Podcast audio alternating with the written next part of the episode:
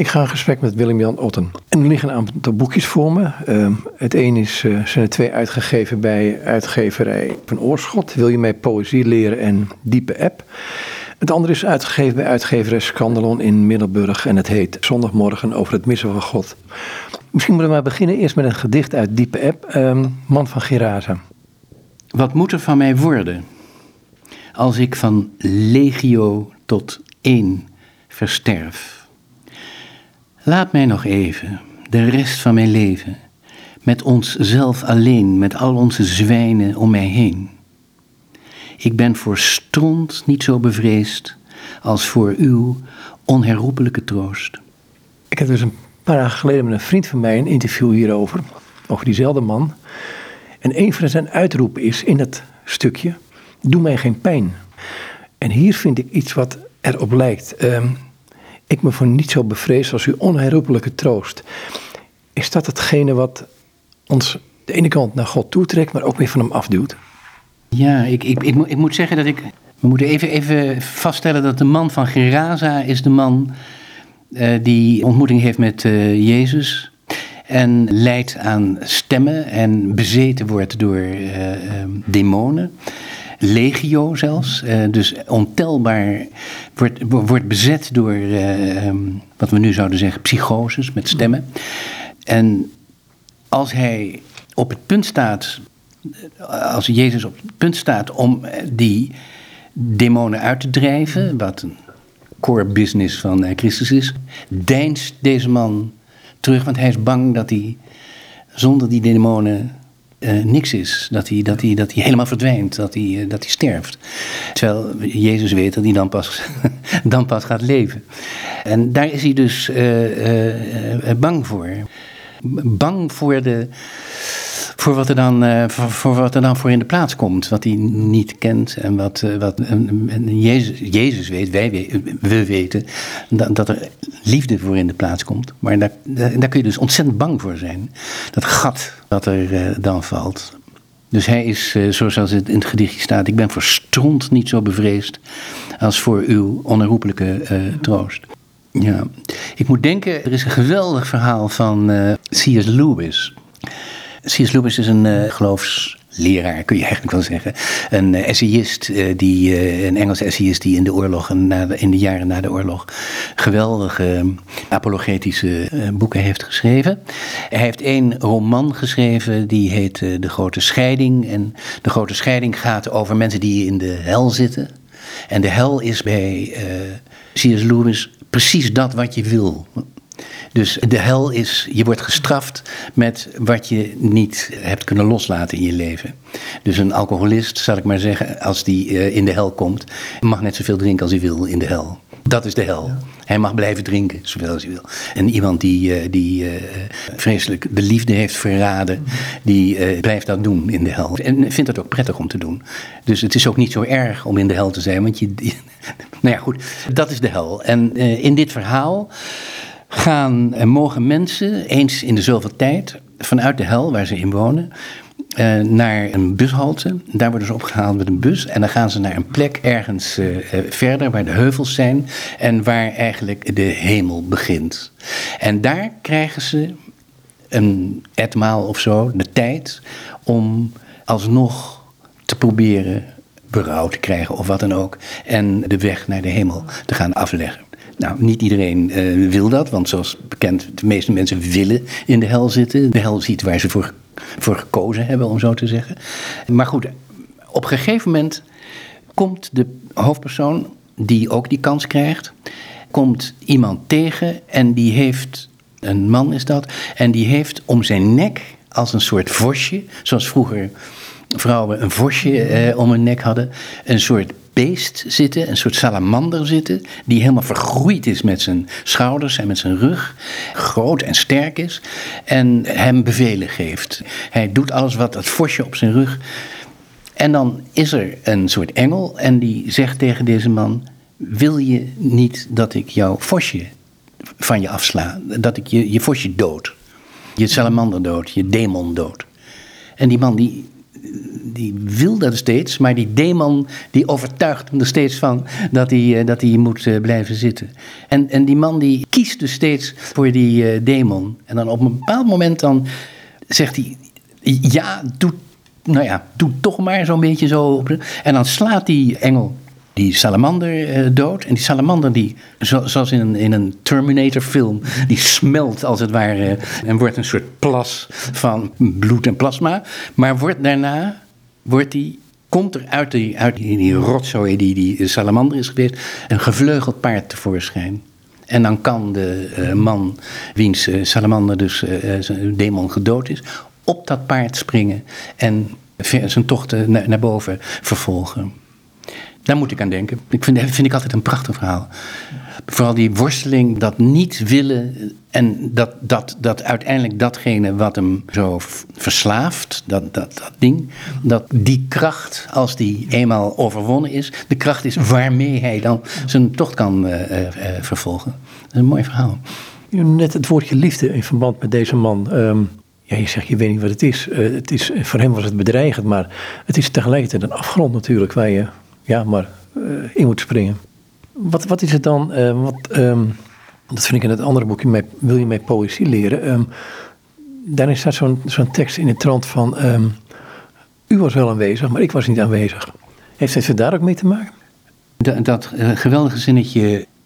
Niet u, maar ik ben afwezig. Dat komt uit een gedicht van, van Denise Levertov. Een, inderdaad ook katholiek geworden dichter uit de Verenigde Staten, Engelse dichter die in de Verenigde Staten is gaan werken uiteindelijk. En in dat gedicht, ja, dat is een antwoord. Het gedicht is eigenlijk een beetje een antwoord op de verzuchting die je zo vaak hoort, dat God verborgen is, of dat God afwezig is, of dat hij ver weg is, of dat hij uh, zich teruggetrokken heeft uh, uit, uh, als je al in hem gelooft, dat hij, dat hij zich niet meer bemoeit of zo met. en wat zij probeert te zeggen in het gedicht, dat is dat niet hij zich teruggetrokken heeft, maar wij ons terugtrekken. Dat hij er voortdurend is. Zoals een, een lamp, als je het omkeert, als li uh, uh, het licht is ergens en het wordt avond, dan gaan alle lichten uit, maar dan blijkt er op één plekje een lampje te branden, wat ook overdag al die tijd gebrand heeft. Ja. Dus God, God, God, ja, brandt altijd, laat ik maar zeggen. Het is ja, het ontvankelijk zijn voor zijn aanwezigheid. Dat is de hele, de hele kwestie. Wat ik er goed aan vind aan, aan die notie van, uh, van uh, Denise Levertov is dat het duidelijk maakt dat, het, dat je het zelf bent. Voor wie God aanwezig is of niet. Het is niet God die, die, die, die zich terug, terugtrekt. Dat, dat ontvankelijk worden. Um, er staat in het boekje ergens dat ik dacht in um, zondagmorgen dat je nogal lang in het voorportaal hebt gestaan. Uh, en toen op een gegeven moment toch ingegeven hebt. Dus dan lijkt het ontvankelijk worden wel een soort overgave. Ja, nee, het is uiteindelijk een uh, kwestie van overgave. Um, nou, dan moet ik even bij vertellen. Het, het, het, is zo dat ik, dat, dat, dat ik er heel lang over heb gedaan, wel vijf jaar, om van kerkganger, iemand die zich thuis voelde in de godsdienstoefening van, uh, van, van uh, in mijn geval uh, in de katholieke kerk bij mij in de straat in, in Naarden. Maar ik de, deed niet voluit mee aan de, aan de communie, omdat ik het toch op een bepaalde manier allemaal niet geloofde, niet vertrouwde, niet. niet en ik zat daar omdat, in die kerk omdat ik samen met mijn vrouw, zoekende, een keer in die kerk verzeild was geraakt. Maar mijn vrouw die was al na twee maanden uh, door de bocht of door de hoeven gezakt. Of hoe je het ook verder uh, noemt. En die, uh, die, die heeft zich toen bij de priester vervoegd en vorming gedaan en, gedoopt. En, en, nam vanaf dat moment deel aan het avondmaal, aan de, aan, de, Eucharistie. Ik niet. Ik bleef zitten omdat ik het gevoel had, nou, zoals zij zich overgeeft daaraan, dat, dat, dat voel ik niet, dat, dat, dat, dat kan ik niet. En ik bleef steeds maar argumenten bedenken om het niet.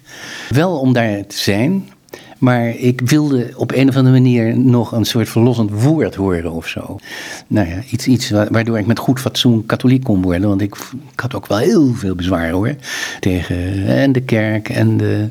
En ik had het ja, toch uiteindelijk heel erg moeite, ook met. Uh, nou ja, met, met een heleboel dingen die in het credo staan. Die, die, die, die, die, die, de maagdelijkheid van Maria. En de, nou ja, een heleboel, heel, heleboel dingen die het mij moeilijk maakten om. Maar waar ik vooral tijdens dat gedeins.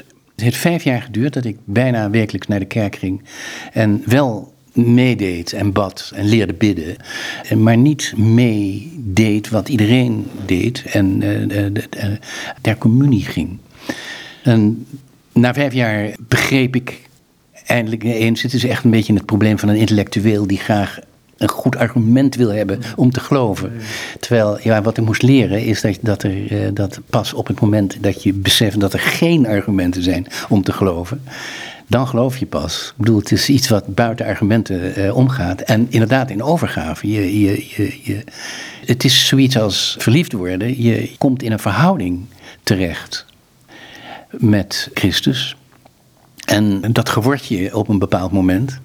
En net zoals wanneer je eindelijk naar het meisje durft te gaan, wat die uitwerking op je heeft, en tegen, aan, en tegen haar zegt. Wat je, wat je van de vindt, zal ik maar zeggen, en vraagt of ze je wil, je wil, terwijl je van de kerk weet, bovendien al dat het antwoord ja zal zijn. Want uh, dat is het vreemde. Zo moeilijk was het nou ook weer niet om, uh, om, uh, om dat te vragen aan de kerk. En dat is in, in, inderdaad dat laten vallen van je argumenten. Van, ja, maar, dat je denkt van ja, maar ik, ik, ik, geloof, dit al, ik geloof het al lang. Ik geloof het al lang. Het gekke is, het, het, het is bijna niks. Die sprong, echt bijna niks.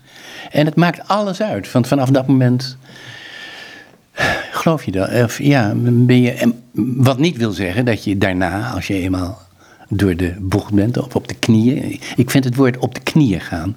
Dat is echt wat ik. Dat het, het moment waarop ik dat ook besefte, gebeurde ook letterlijk op het moment dat uh, tijdens de kruiswegstatie uh, heb je het moment.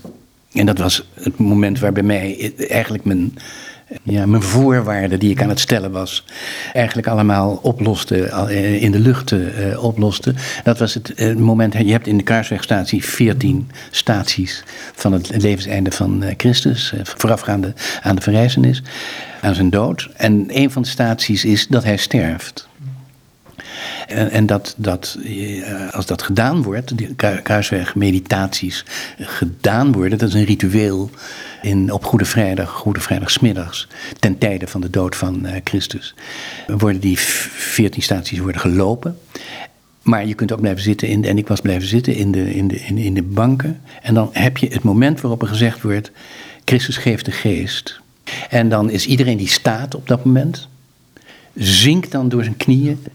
En dan valt er een stilte die heel erg groot is, maar waarvan je ook weet dat die overal in de wereld op datzelfde moment iedereen op zijn knieën. Uh, uh, en het gekke is dat je, ik toen voor het eerst het, het verdriet had over de dood van, uh, van Jezus. Dus dat, dat op een of andere manier het, het drama van, van het sterven en van het offer niet een verhaal, een verhaal was wat ik op een soort nou, zoals ik de Odyssee of de Ilias gelezen heb, indrukwekkend. Of een tragedie eh, gezien heb, indrukwekkend. Erg voor die man of zoiets dergelijks. Maar dat, dat het ineens, dat toeschouwerschap, omklapte in alsof je bij je grootmoeder aan het sterfbed uh, uh, zit. Of, hè, dus alsof er echt iemand op dat moment tot je doordringt dat iemand echt de geest geeft. En je ook op, uh, ja, op een of andere manier begrijpt of het je geword.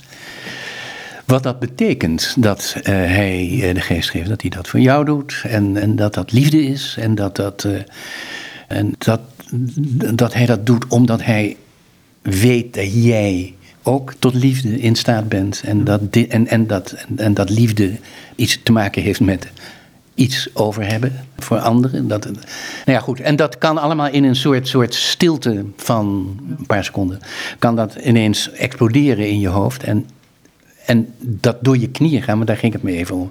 En toen had ik ook echt het gevoel, ik, ik, bez, ik bezwijk nu voor, ik, ik, ik, ik geef me over, als het ware. En ik, hou, ik hoef niet meer ik hoef niet meer te wachten op het verlossend woord. Dit is het. Dit is, dit is het uh, verlossend woord. Maar het was geen woord. Het was Jezus gaf de geest. Het was juist geen woord. Het was, het was dat, iemand, uh, ja, dat iemand sterft. Was het. Ja. Natuurlijk had ik al, al ik was helemaal niet jong, 49 of zo, 48 toen, toen dit gebeurde. Ik had, ik had niet lang daarvoor het sterven van mijn grootmoeder meegemaakt. Dus het, het rouw rouw om Christus en de rouw die ik nog altijd had om mijn grootmoeder. En dat, dat, dat het ene sterfbed van mijn grootmoeder en het, het gestileerde sterfbed, zal ik maar zeggen, het vertelde sterfbed in de mis, zo'n soort samengingen. En, en ik geloof ook dat, dat de kleur van mijn geloof, eh, ik weet niet precies hoe ik dat moet zeggen, iets, iets met rouw te maken heeft. En dat het doodgaan en niet sterven. Want wat er ook gebeurt, is vreemd genoeg, dat in die ene seconde van uh, Jezus gaf de geest, of Jezus geeft de geest, op je knieën, stilte, dat in die seconde Jezus leeft. Veel meer dan, hè, dan toen hij nog leefde, bij wijze van spreken. Dus de, ja, waar rouw eigenlijk altijd over gaat, dat iemand leeft terwijl hij dood is, dat is eigenlijk wat rouw is. Hè? Dus eh, in, in, in rouw is iemand vaak, ja, leeft bijna nog meer dan, eh, dan, dan, eh, toen hij nog leefde. En dat de, de, verhouding die je dan krijgt tot de gestorvene, en in dit geval tot Christus, dat is dan vervolgens geloof. Ja, mijn geloof althans, ja. Je kunt, je kunt niet voor anderen spreken overigens als je over deze dingen spreekt. Je kunt alleen maar je eigen, je eigen. Als je zo nodig erover wil spreken, want je kunt het ook in je hartje bewaren, zoals Maria. Ja, is ook wat voor te zeggen. Ja. Er is natuurlijk iets, iets aparts, dat, iets heel fysieks gaf, ja, ik weet niet of het zo... heel fysiek, heel fysiek wat je doet. En tegelijkertijd geeft het een, een, een, blik even van een, van een nanoseconde op een andere dimensie die wij niet kunnen bereiken eigenlijk op een bepaalde manier. Ja, nou die we dus wel kunnen bereiken. Ja, dat, is, ja, dat kan wel, maar tegelijkertijd het zijn van die... Nee, het, ja, nee, het is een, een, een, een soort... Het is een soort eeuwigheid waar je, waar je mee in contact staat op dat moment. Ja. Ik moet naar een, een, en ik citeer nooit goed, ik zeg het er eerlijk bij. Uh, het boekje Wil je mij poëzie leren? Daar staat zo'n zin in, of een deel van een gedicht van een dichter. Die zegt van, uh, en het komt hierop neer, dat er een boom bij hem voor omgehaakt is. En juist door die afwezigheid van die boom, beseft hij zijn aanwezigheid meer. Het is een, een erg mooi gedicht, ja. Een gedicht van Tom van Deel. Het gaat over eh, de iep die voor zijn uitzicht uh, staat zijn leven lang. En die iep wordt gerooid op een dag. En uh, dan kijkt hij dus naar de iepvormige leegte, zal ik maar zeggen. en, en dan is de iep er dus niet meer. Maar hij is er ook heel erg wel. En dat formuleert hij zo. De boom laat het uitzicht na op zijn afwezigheid. Dus dat, dat is een soort rondzingende radio, dat zinnetje. De boom laat het uitzicht na, dus je kunt iets zien op zijn afwezigheid. En dat aanwezig kunnen stellen van iets wat er niet is, dat is het hele eieren eten van, de, van, de, van het geloof ook. Is, is dat de communie? En dat is wat tijdens de communie symbolisch wordt gedaan. Dus dat is de, de, de, dus met, met, met een soort bluff. wordt er gewoon. Wordt er gewoon stel je God aanwezig in het brood. En dat is, dat is de symbolische manier, eh, de geloofsmanier dus eigenlijk. Omdat dat, de, dat, dat aanwezig stellen van wat niet meer is, wat, wat gestorven is. Dus, dus het is een soort enorme, uh, ja, wat zal ik zeggen, um, poging, en niet alleen een poging, maar een, een, een overwinning op de dood. Die daarmee, uh, die, dat iemand dood is, dat bestaat eigenlijk niet. Dat God dood is, dat bestaat niet. En dat de dood het einde zou zijn, dat bestaat niet. Dat is, dat is ook zo. Maar dat wordt in zo'n formulering. En dit is dan dus niet een christelijk gedicht. Hè? Dit is, dit is eh, een gedicht van een. Van een uh, dit is een, trouwens een, Tom van Deel, hij is gestorven inmiddels. Uh, het is een in memoriam. Of het wordt geprobeerd in dat stuk waar dit staat. Wordt geprobeerd om de dichter Tom van Deel ook weer aanwezig te stellen, terwijl die er niet is. Uh, uh, en, en, dat is, wat, ja, dat, is een, dat is iets wat geloof doet. En het is iets wat, wat onze verbeelding doet, hè, wat literatuur doet, wat kunst doet. Iets aanwezig stellen wat er niet is.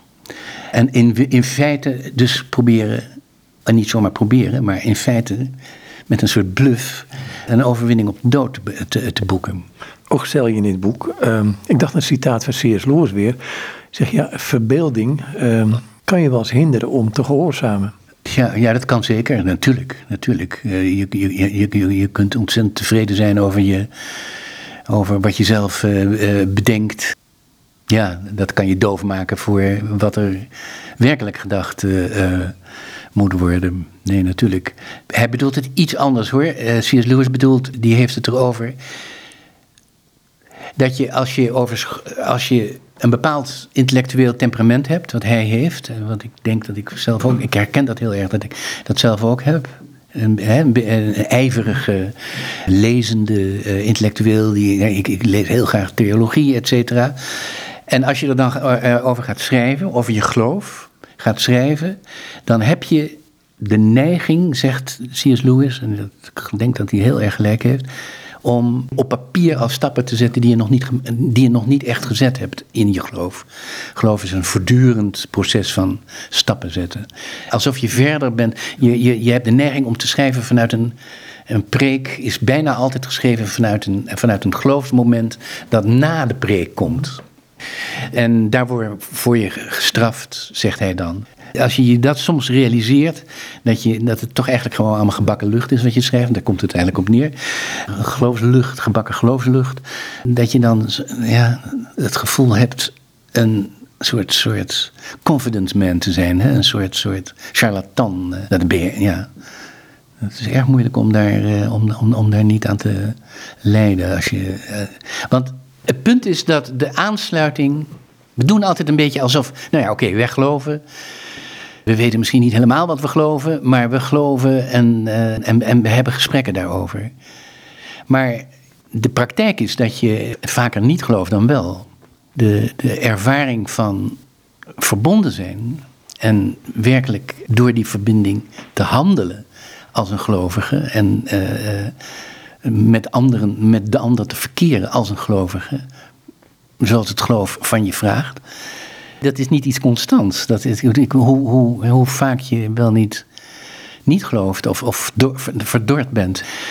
Voor mij is dat een van de moeilijke dingen om, om al essayerend over. Want ik geloof dat het zin heeft om te essayeren over geloof. Geloofsessays te schrijven. Dat dat een genre is wat, wat meer beoefend zou moeten worden. Dus dat is iets anders dan een preek.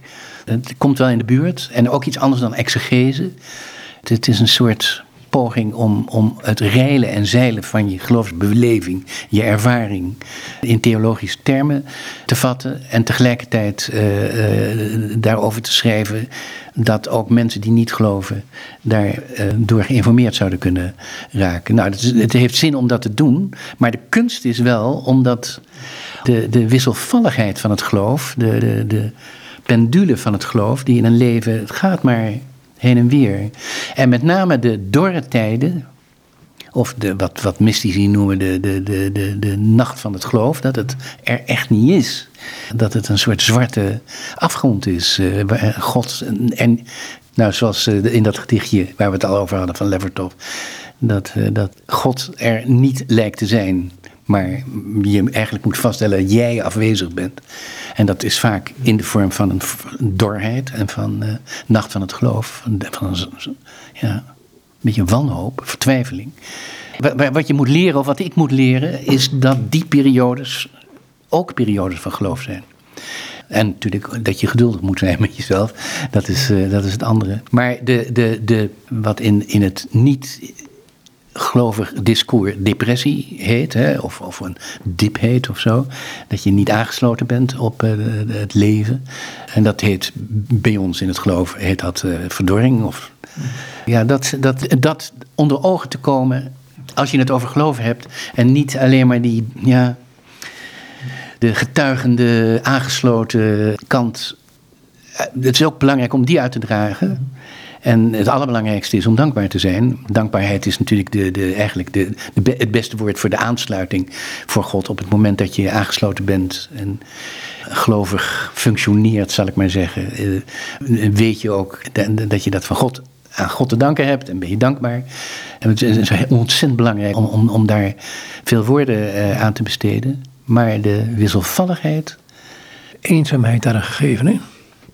Ja, ik denk, waarom hebt u mij verlaten? Dat is natuurlijk, eh, is tegelijkertijd ook eh, het, het punt waarop, het, waar, waar, waarop de verbinding met God het sterkst is. En die confrontatie is daar. Ja, ja, ik vind het altijd heel erg moeilijk om daarover te spreken hoor. Maar um, het punt is dat de momenten van geloofsaanvaarding, dat je, dat je, je, je, je aanvaard weet door God en dat je in een, in een relatie uh, verkeert, momenten zijn waarop je je niet alleen gelaten voelt. Ik vind dat iets heel, heel wonderbaarlijks, want je, je, je bent.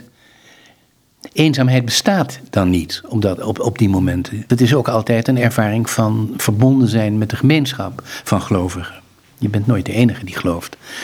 En toch, tegelijkertijd, het zijn paradoxen echt. Tegelijkertijd is die relatie die je ondergaat alleen jouw relatie. Iemand anders kan die relatie niet voor jou hebben. Maar ook dat is niet helemaal waar. Want heel vaak, soms, laat ik het zo zeggen, als jij zelf die relatie niet voelt, dan, of, of dat er, dat er een, van een verdorring sprake is, is eh, soms het besef dat de ander, een ander, wel God vindt op dat moment, kan juist heel erg uh, je, je eruit trekken. hè? Dus dat, dat je, alsof een ander toch voor jou gelooft en jij in navolging bijna. Het is echt niet niks hoor, om als je in een soort halve depressie verkeert, iemand anders voor jou bidt en voor jouw depressie bidt. En eigenlijk op dat moment kun je ja, eigenlijk in dat deel van dat gebed worden. En dan, ja, in wezen is de verbinding dan zich aan het herstellen. Dus het is heel vreemd met een gebed doe je in eenzaamheid. Zelfs, ik vind dat altijd heel, heel wonderlijk in de kerk. Dat je met al die mensen die je niet kent. En, alleen het hoekje van je, van je kerk ken je een heel klein beetje. Omdat je weet hoe ze bidden, eh, hoe ze zitten, et cetera. En dat je, dat je ja, bijvoorbeeld tijdens de schuldbeleidenis in het begin, ga je naar jezelf naar binnen, naar jouw eigen persoonlijke schuld. En dan zeg je, ja, maar culpa. En die beleid je dan. En daar begint de mis mee. Dat, dat is iets wat in eenzaamheid gebeurt. Maar het gekke is dat iedereen het doet om je heen. En je bidt uiteindelijk, broeders en zusters, bij mijn broeders en zusters, dat, nou, dat je vergeven wordt, zoiets Of, dat, dat, of God zich wil ontfermen. Je bidt bij dus, dus het allerpersoonlijkste, individueelste en eigenlijk eenzaamste wat je op dat moment aan het doen bent. Maar je doet het tussen alle mensen die het ook doen op dat moment. Ik kan daar niet over uit. Ik vind dat een, uh, want dat, dat op een of andere manier help, help je elkaar dus bij iets wat, wat je niet weet van elkaar. Gemeenschap is een raar ding, of een raar gebeuren. Ja, ja, dat is heel vreemd. Want je bent, en ik, dat is iets wat ik in, in, in de. Uh, pas eigenlijk, ik ben nu twintig jaar katholiek. Ik ben dus niet van huis uit katholiek. Hè. Ik ben van huis uit Montessori. Maar uh, niet katholiek. Uh, ik ben het pas op mijn 48ste geworden. En vanaf mijn 43ste ermee bezig, zal ik mee zeggen. Dus echt laat. De tweede helft van mijn leven.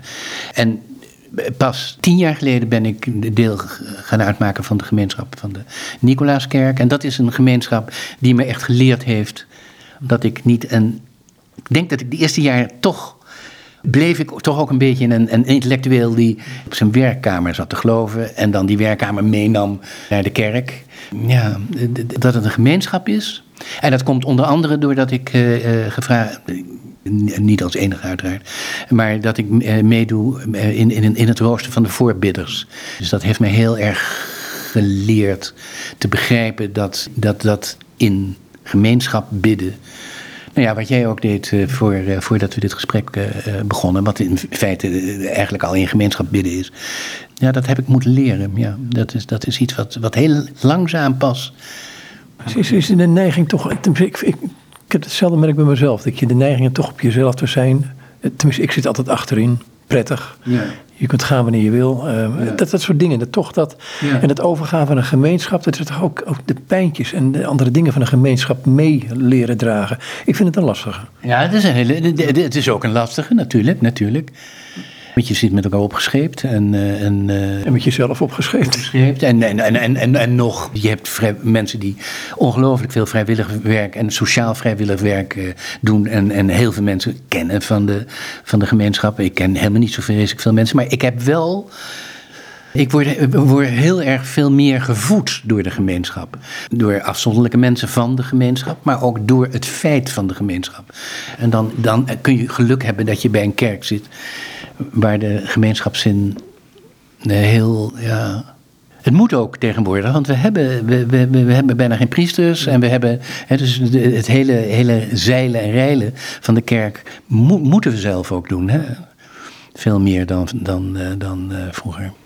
Ja, we zijn, we zijn de kerk. Ja, ja, nee, zeker. zeker. En de, de, de godsdienstoefening is natuurlijk gewoon een. een, een, een, een bij, bij ons worden de voorbeden met de banken meegedaan. Uh, hè, dus uh, als, als, als, als ik als voorbidder naar voren ga, dan ga ik naar een microfoon die. En dan kijk ik uh, ad Orientem, zoals het vroeger heette, naar het oosten. En vroeger deden de priesters dat ook. Hè? Die deden de mis opdragen niet, niet naar, de, naar, naar ons toe. En dat is afgeschaft omdat dat overkwam als onverschillig. Alsof de priesters ons, het volk, niet zo belangrijk vonden. Maar in, in werkelijkheid is het natuurlijk omdat de priesters, net als wij, met, met z'n allen naar God gericht zijn. En wij doen dus de voorbeden uh, uh, ad orientem. En dat, ook dat is, heeft mij heel erg dat, dat gevoel van dat de mensen achter je en dat je samen met hen, namens hen, je gebeden uitspreekt uh, uh, die kant uit. ja, dat, dat, ja, dat zijn van, van die kleine dingen die, die, die dat gevoel van deel uit te maken van een groot lichaam. En dat het let niet op onze zonde, maar op ons geloof, zoiets dergelijks. Nou ja, dat, dat, dat, dat, dat, dat we dat allemaal aan het doen zijn, dat, dat eendrachtige daarvan, ja. Ja, dat is voor mij, dat zijn zo van die, van die dingen die, die, die ik langzaam leer commentarieer de volgende opmerking maar. Maar ik las dit boekje. Um, wil je mij poëzie leren? Wonderlijke titel, maar goed. En ik kwam er allemaal fragmenten uit jouw leven tegen. En wat je bezig hebt gehouden. En ik heb laatst een film zitten kijken. Um, door dit boekje van Tarkovsky. De Spiegel. Allemaal fragmenten. En op een gegeven moment krijg je dat, dat prachtige openingskoraal. Dacht ik van Bach. Uh, van Johannes Passion. Ja, dan schiet ik voor, want denk ik, wat, ja. wat is dit hè? Tarkovsky die zegt dat je als filmmaker Bach, en zeker de Matthäus Passion, niet mag gebruiken voordat je met filmische middelen je punt bereikt hebt.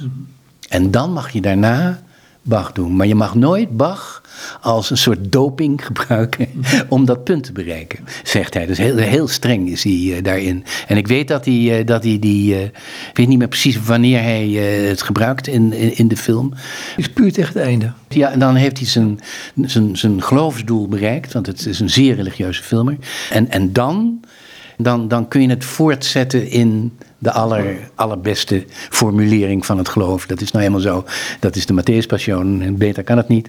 En dan kun je dat gewoon. Maar, maar het omdraaien. Eerst Bach doen en gebruikmakend van Bach. Ja, liefde op Bach. Dat, uh, dat mag, daar is hij heel streng in. Dat vind ik altijd een leuke. Maar je hebt die film uh, uh, gekeken. Ja, ja. En wat was de vraag nu? Nou, ik dacht dat het dat her, onze werd aan het eind ge, uh, neergezet. Maar het waren allemaal fragmenten uit een leven. Ja. He, met, met ja. in verschillende fases.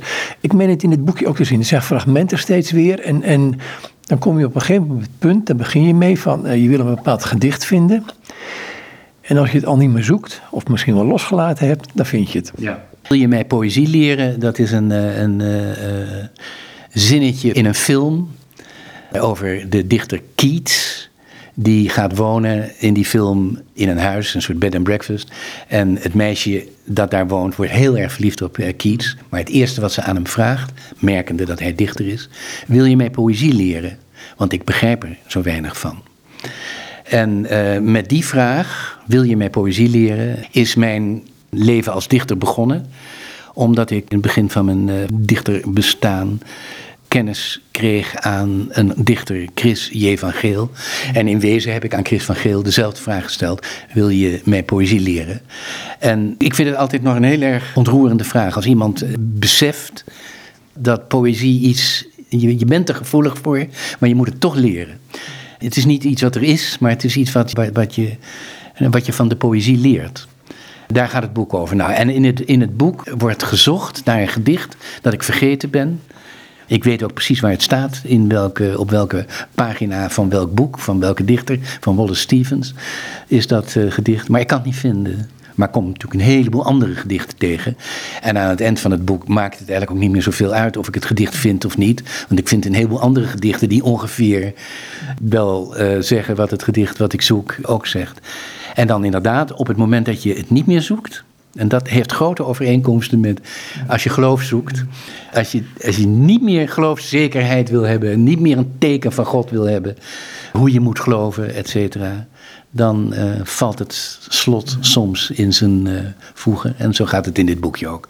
Het is eigenlijk meer een grap is dat in het, in het boekje. Want dat gedicht wat ik vind, dat ja, het is een mooi gedicht. Maar eerlijk gezegd vind ik de andere gedichten die ik onderweg vind mooier. En het ene laatste gedicht wat ik gevonden heb van Denise Levertov, die al een klein beetje te sprake is gekomen.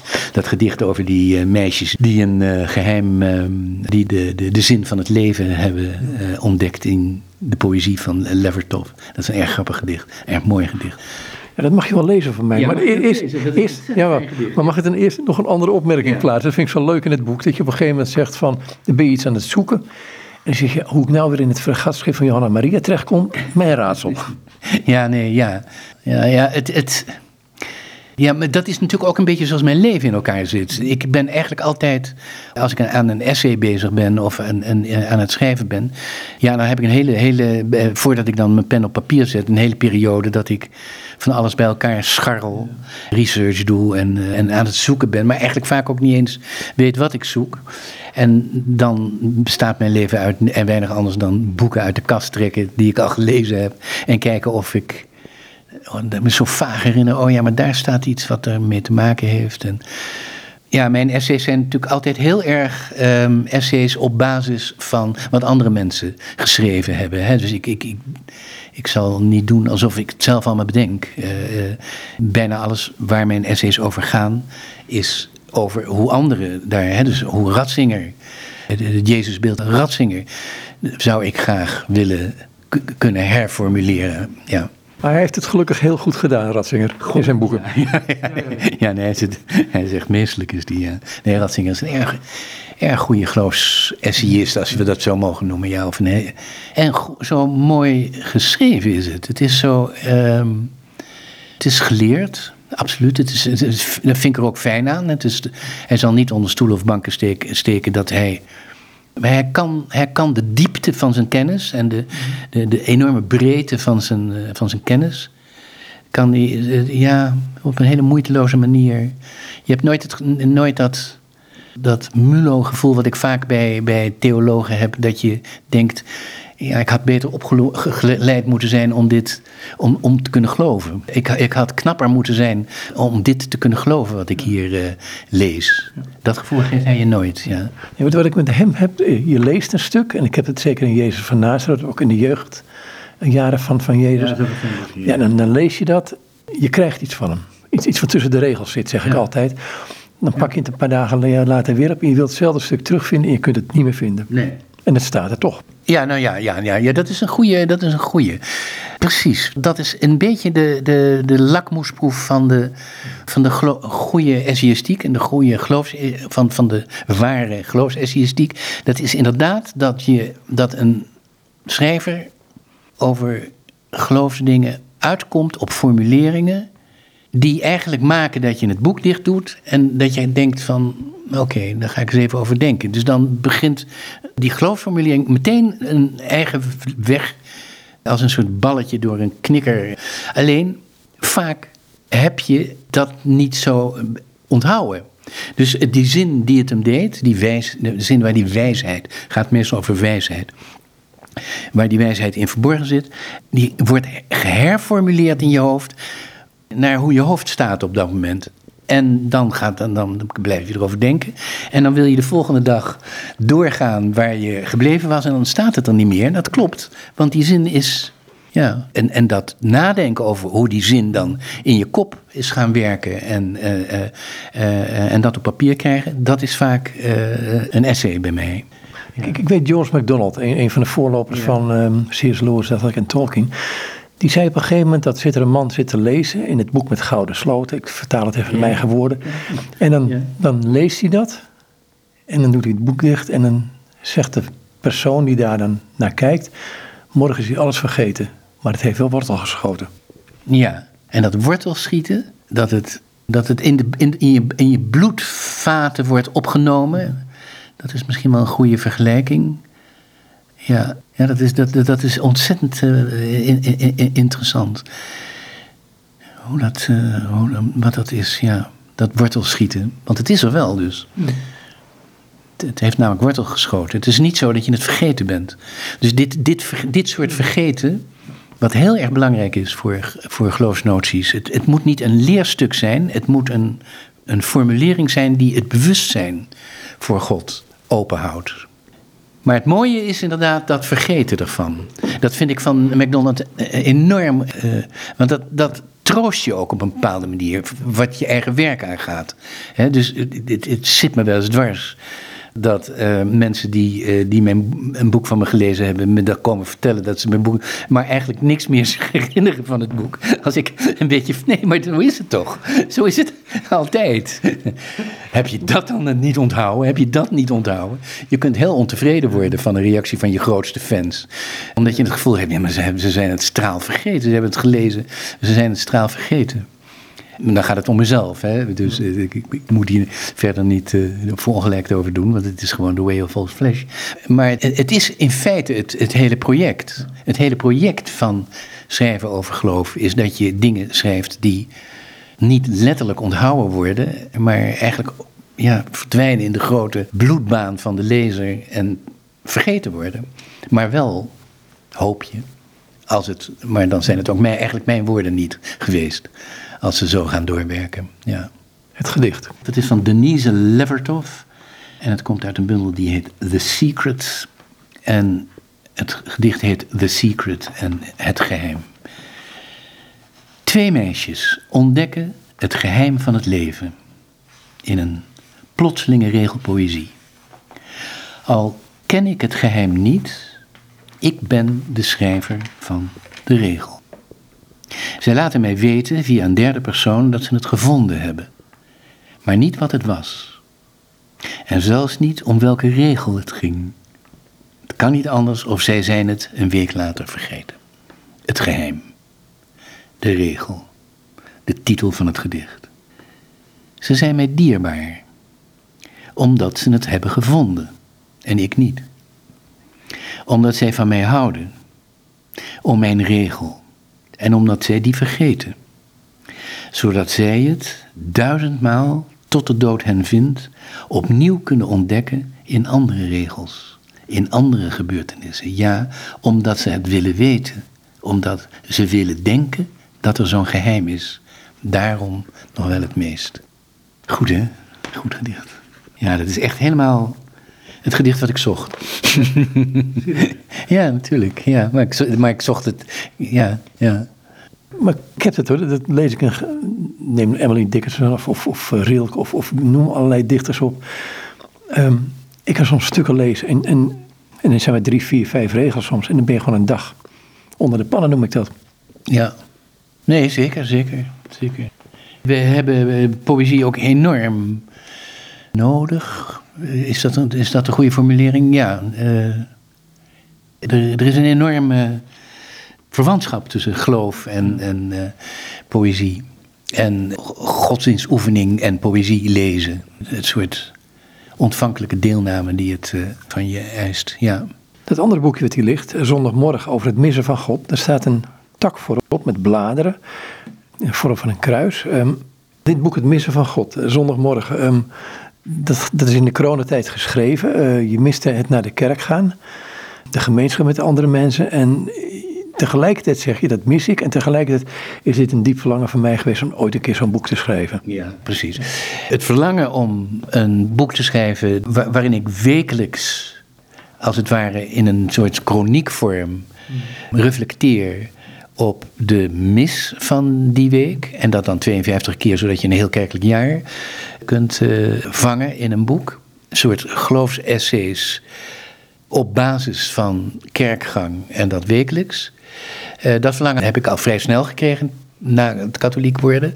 Omdat ik altijd heel erg braaf, met name in die Deinsjaren, hè, dus toen ik, toen ik wel in de kerk kwam, maar nog niet ter communie ging en probeerde erachter te komen ervan overtuigd te raken dat ik moest geloven. En ik verlangde naar geloven, maar ik kon het nog niet. In die periode ben ik heel vaak in mijn dagboeken gaan schrijven over de mis die ik meegemaakt had. En ik las ook in die tijd uh, veel Stille Omgang van Willem Barnard. Dat boek op basis van dagelijkse godsdienstoefening, namelijk de getijden in een klooster. Dus hij reflecteert in, in dat boek, dat is een boek van duizend pagina's, elke dag op de dienst en de, de mis en de liturgie van die dag en de lezingen. Omdat hij een geweldige theoloog is en een nog geweldiger uh, Hebraicus, is het ook heel erg op de taal, geloofstaal en, en op de taal van het Oude Testament en op uh, intertextualiteit uh, is het uh, een geweldig boek. Het is een van de grootste, beste geloofsessayistieke werken die we hebben. Het is echt een, behoort tot de hoogtepunten van de Nederlandse literatuur, denk ik, van na de, na de Tweede Wereldoorlog. Dus toen dat verlangen om op, basis van 52 missen, wat een veel kleiner boek zou zijn, dat had ik al. En ik, ik wist ook, als ik dat ooit ga schrijven, dan, dan wordt dat ook een hommage, dat boek aan Barnard. En toen de pandemie uitbrak en we niet naar de mis mochten en konden, heb ik mijn kans schoon gezien. Want toen dacht ik, oké, dan ga ik een jaar lang schrijven over de mis waar we niet heen kunnen. En dan publiceer ik dat in het Katholiek Nieuwsblad bij Anton de Wit. En die noemden het eh, de, de, de rubriek eh, De mis die we missen.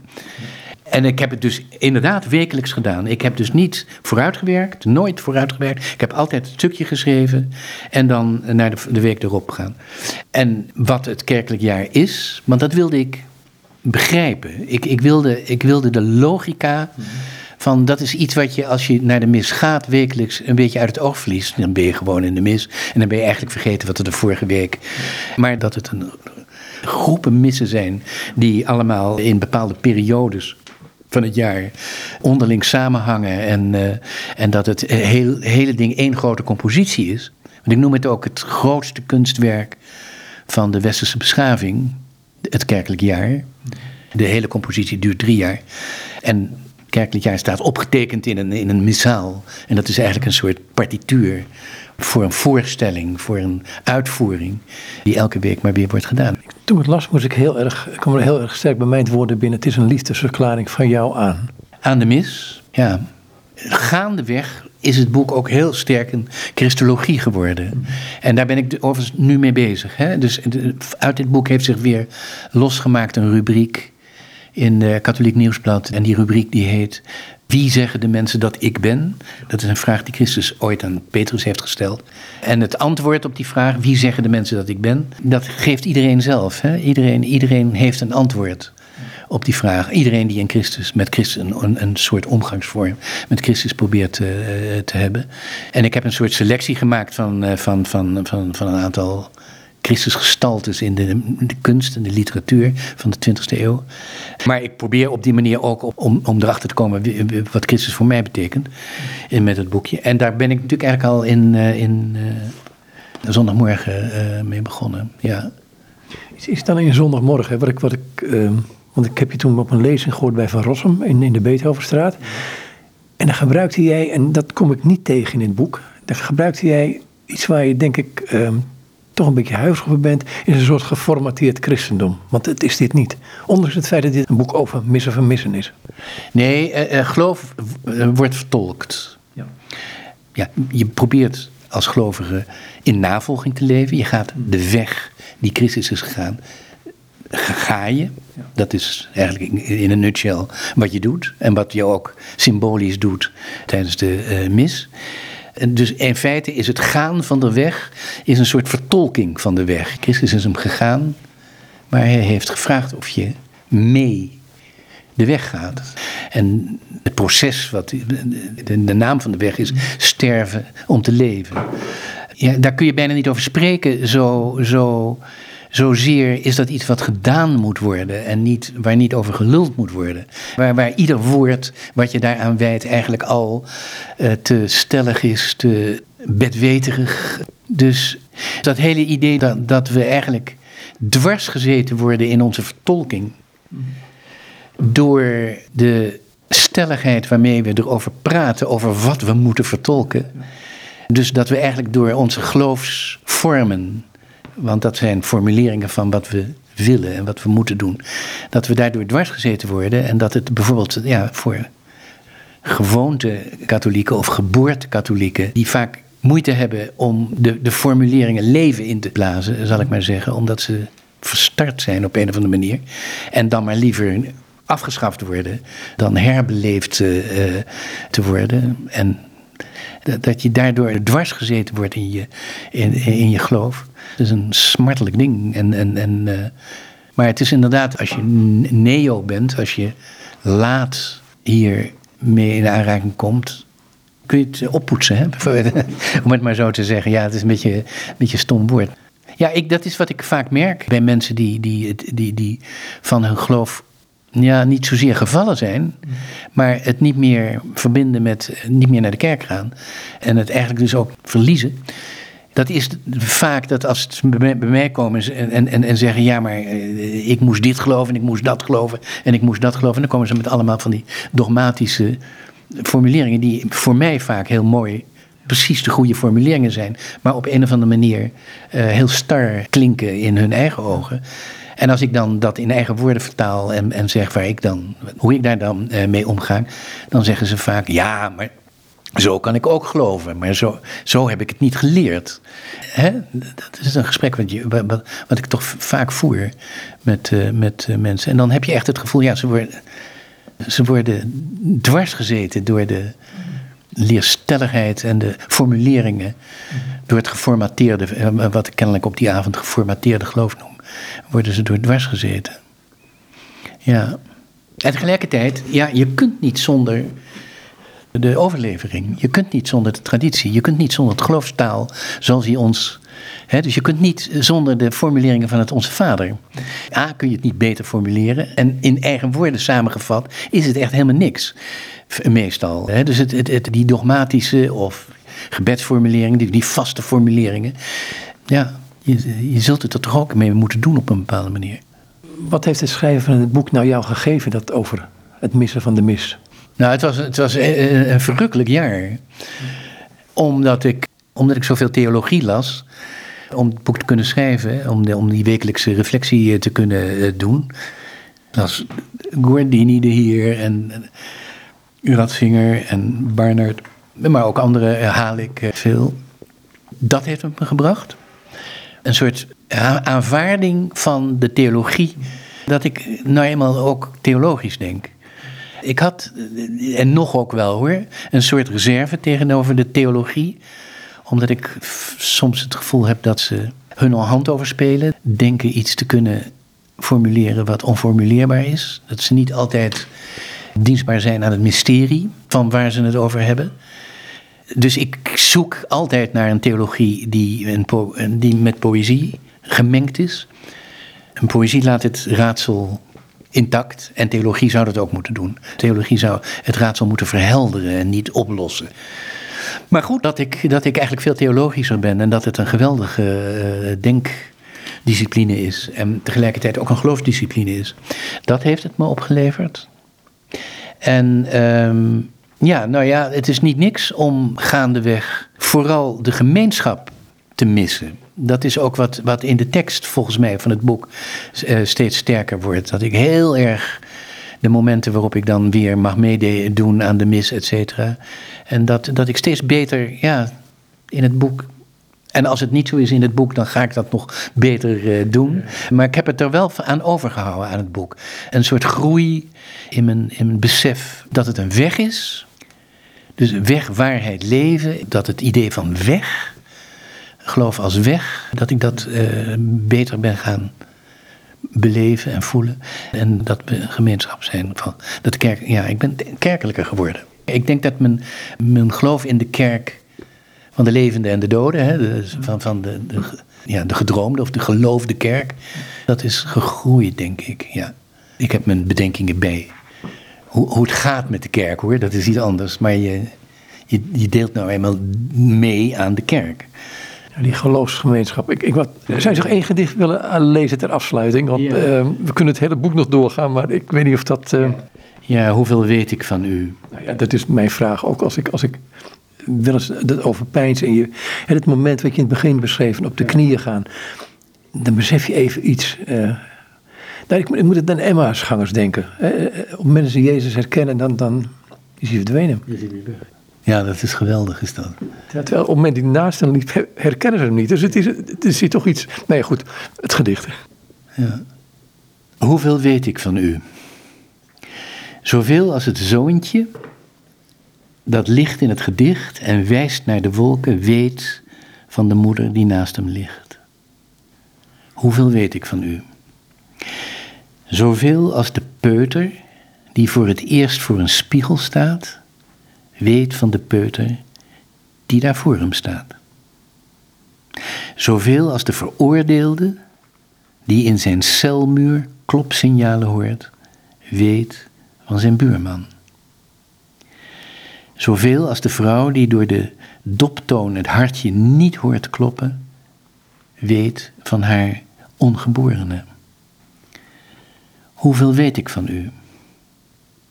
Zoveel als de oude koning op de dag van zijn troonsafstand weet van zijn liefste, laatste dochter, als die niet zegt wat hij horen wil. Zoveel als Penelope, op het punt staande zichzelf weg te geven, weet van de zwerende, onbekende zwerver aan haar hof. Zoveel als een explosieve moordenaar in de metrocoupé weet van het roodharige meisje met de koortslip, dat zijn oogopslag niet zoekt. Zoveel als de enige zoon, na het vallen van het mes, weet van de kermende vader die hem leek te zullen kelen. Zoveel en nog wel meer weet ik van u. Ik weet van u kortom heel veel zei het altijd nog minder dan de kerkvader, die in een van zijn preken schreef dat als u tegenover hem kwam zitten, daar recht tegenover hem, hij u zou vragen wanneer u kwam. Ik wacht hierbij later. Dankjewel. Dankjewel. En dit zei Willem-Jan altijd. Met hem was ik in gesprek over een drietal boeken die hier liggen. Uh, Diepe App en wil je mij poëzie leren? Uitgegeven bij Van Oorschot in Amsterdam. En het andere boek is Zondagmorgen over het missen van God. Uitgegeven bij uitgeverij Scandelon. En dit deden ze in samenwerking met uitgeverij Halenwijn in Antwerpen.